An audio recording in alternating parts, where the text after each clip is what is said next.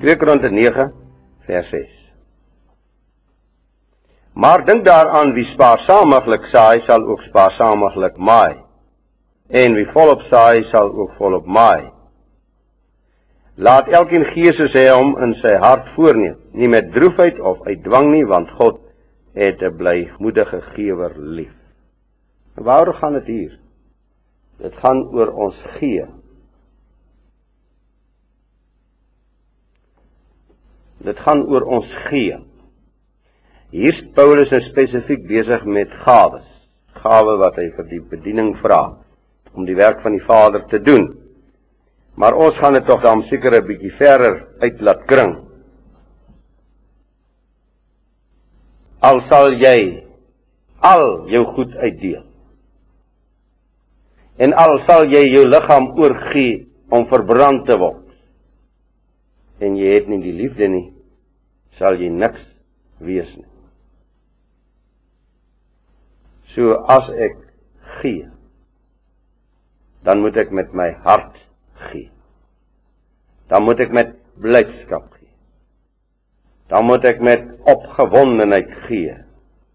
Wie spaarsamig saai, sal spaarsamig maai. Dis weer 'n kuns om te weet hoeveel saad van 'n spesifieke soort saad op 'n vierkante meter moet val. So die Heilige Gees moet so in beheer wees dat ons elke keer sal reg weet hoeveel om te gee. As ons vanaand 'n sukkelende geestelike lewe het, dan moet ons weet dis omdat ons spaarsamig saai. Die liefde tot God en die liefde tot die naaste is die grootste gee wat ons kan gee. Ek herhaal, al sal jy jou liggaam oorgee om verbrand te word en jy het nie die liefde nie. Die liefde tot die Vader. Dit is nie 10% nie. Dit is nie 20% nie. Dit is nie 99% nie. Die liefde tot die Vader is 'n volle gee. En daar bly die geheim van die lewe. Gee my, sê hy, jou hele hart. Gee my jou hele hart. En wanneer my hele hart aan die Vader behoort, dan sal die res van my lewe spontaan reageer. Dit is altyd so. Dit is altyd so. Maar as jy 'n gedeelte van jou hart vir God gee, sal 'n gedeelte van jou lewe aan God behoort. Eindelik sal hy dit nie neem nie. Jy verbeel jou maar God is saam met jou. 'n sukkelende geestelike lewe is 'n halwe hart aan God. Sukkelende verhoudings is weer omdat ek selfsugtig is. En die ander een moet gee, maar ek gee nie. Sommige mense sê vir my 'n huwelik is 'n 50-50 storie. Ek sê is onsinnig om dit vir my te sê. Dis 'n 100% saak. En as dit nie so is, werk dit nie. In al ons vriendskapsverhoudings ook. Dit moet 'n 100% saak wees. Ek gee myself. En as ek myself gee, dan kan ek verwag om te maai. Anders gaan dit maar treurig gaan. 'n Volop geestelike lewe is 'n volop gee. Vir julle wat jonk is vanaand, hoor tog wat ek sê. Ons het groot geword met sulke wanbegrippe. Gee julleself vir die Vader en gee julle voluit vir die Vader. Gee julleself vir mekaar in julle vriendskap en julle liefde. Gee julle vir mekaar. Vergeet selfsug. Dis 'n lelike ding. Jaloesie is duiwels. Vergeet sulke goeie. Gee jou net en jy sal ondervind. Nou wil ek sê in hierdie in hierdie soort gee kan ons maar hande vol saad gooi kan ons maar hande vol gooi. En ons sal hande vol terugkry. Yeshua het gesê die koninkryk van God is binne in julle. So as die koninkryk van God binne in ons is, dan beteken dit dat die woord van God binne in ons is. En as die woord van God binne in ons is, dan is dit mos 'n outomatiese spontane aksie. Die ou spreekwoord sê wat die hart van vol is, loop die mond van oor.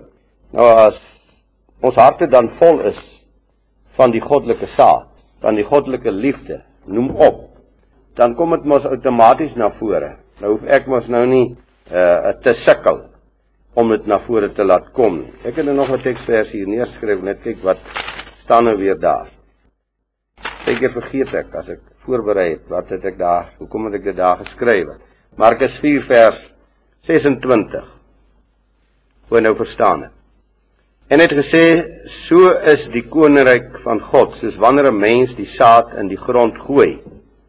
En hy gaan slaap en staan op nag en dag en die saad spruit uit en word groot. Hoe weet hy self nie? Want van self bring die aarde vrug voort. Eers die halm, dan die aar, dan die volle koring in die aar. En wanneer die vrugte toelaat, steek hy die sekel dadelik in omdat die oes daar is. Nou, ek dink die gedagte wat ek hier wou deurbring is die wonder van die goddelike werk in ons lewe. As ons die saad saai, dan is dit Jawe wat hierdie groei bewerk. En nou wil ek iets baie belangrik sê. As jy in jou geestelike lewe sterk wil word, getuig. As jy van Yeshua nie getuig nie, sal jy nie sterk word nie. So die oomblik wanneer ek die saad saai, dan groei dit in my eie lewe ook. Hoe weet ek nie, maar dit groei. Daar is net 'n onsigbare band vanuit die hemel na my hart en my verstand. En dit kom van self. Dit kom later aan so spontaan, dit kom so vrymoediglik. Want ek het begine oefen om te saai. Om te getuig. En dit spruit en word groot. Hoe weet hy self nie? Hoe weet hy self nie? Eers as ek bang om in die openbaar op te staan en en God in 'n gebed te kan loof. Laterand is dit spontaan. Dis 'n voorreg. Dis heerlik die groei van die gees van God in ons lewe gee die spontane groei krag in ons lewe. Skrikkelik belangrik om dit te weet. Nog ietsie wat pragtig is in hierdie Markus 4 is vers 31. Dit dis weer die koninkryk. Dis soos 'n mosterdsaad wat die kleinste is van al die soorte saad wat op die aarde wanneer dit in die grond gesaai is. En wanneer dit gesaai is, kom dit op en word groter as al die groente soorte en maak groot takke sodat voëls van die hemel onder sy skaduwee nes kan maak. Dis die volgende pragtige beeld. Partykeer is die saadjie wat ek en jy saai so klein. So klein. Maar dit groei. In ons eie lewe en die ander persoon se lewe. En dit word 'n groot, sterk iets. Ek het 'n ek kwoteer hom so baie. Professor Kolikotse. Ek het so tot vandag tog nog so groot waardering vir hom. Want hierdie man het sulke klein saadjies in die klas uitgesaai. Wat baie studente nie opgetel het, ek het hulle opgetel. Kan hulle kwoteer vandag. Rye daarvan. Wat hy sommer so uitgesaai het. In my eie hart het dit 'n boom geword. Dit wat daardie ou man vir my geleer het. 'n Sterk, sterk boom. 'n Vreesloosheid. So dit wat ons deurgee, soms 'n klein saadjie wat die Vader my toelaat om te saai in die hart van 'n ander mens en dit word magtig en sterk. Hoeveel van ons het al saam met iemand gekniel wat sy lewe vir die Vader gee? En wat doen jy maar? 'n Klein saadjie wat jy daai dag in 'n hart saai en jare daarna, dan is dit 'n sterk gelowige volwasse mens. Ek wil 'n paar voorbeelde uit die skrif uithaal ter wille van die mooiheid.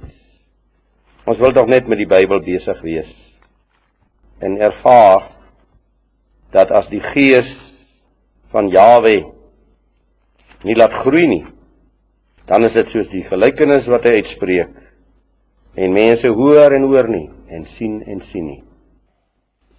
Verse 5 en 6 van Psalm 126 Die wat met trane saai sal met gejubel maai. Hy loop aldeur en ween en dra die saadkoring. Hy sal sekerlik kom met gejubel en sy gerwe dra. Nou die beeld wat ons hier insien, is nou maar my persoonlike waarneming. Ons dink aan 'n man soos Elia. Hy leef in 'n tyd van verskriklike verval in sy volk. Daar's nood in sy hart. Hy dra die saadsak met trane in sy oë. Maar op die ou end ondervind hy die oes. Die oes wat God gee. Jeremia, hy word genoem die proef trane profeet.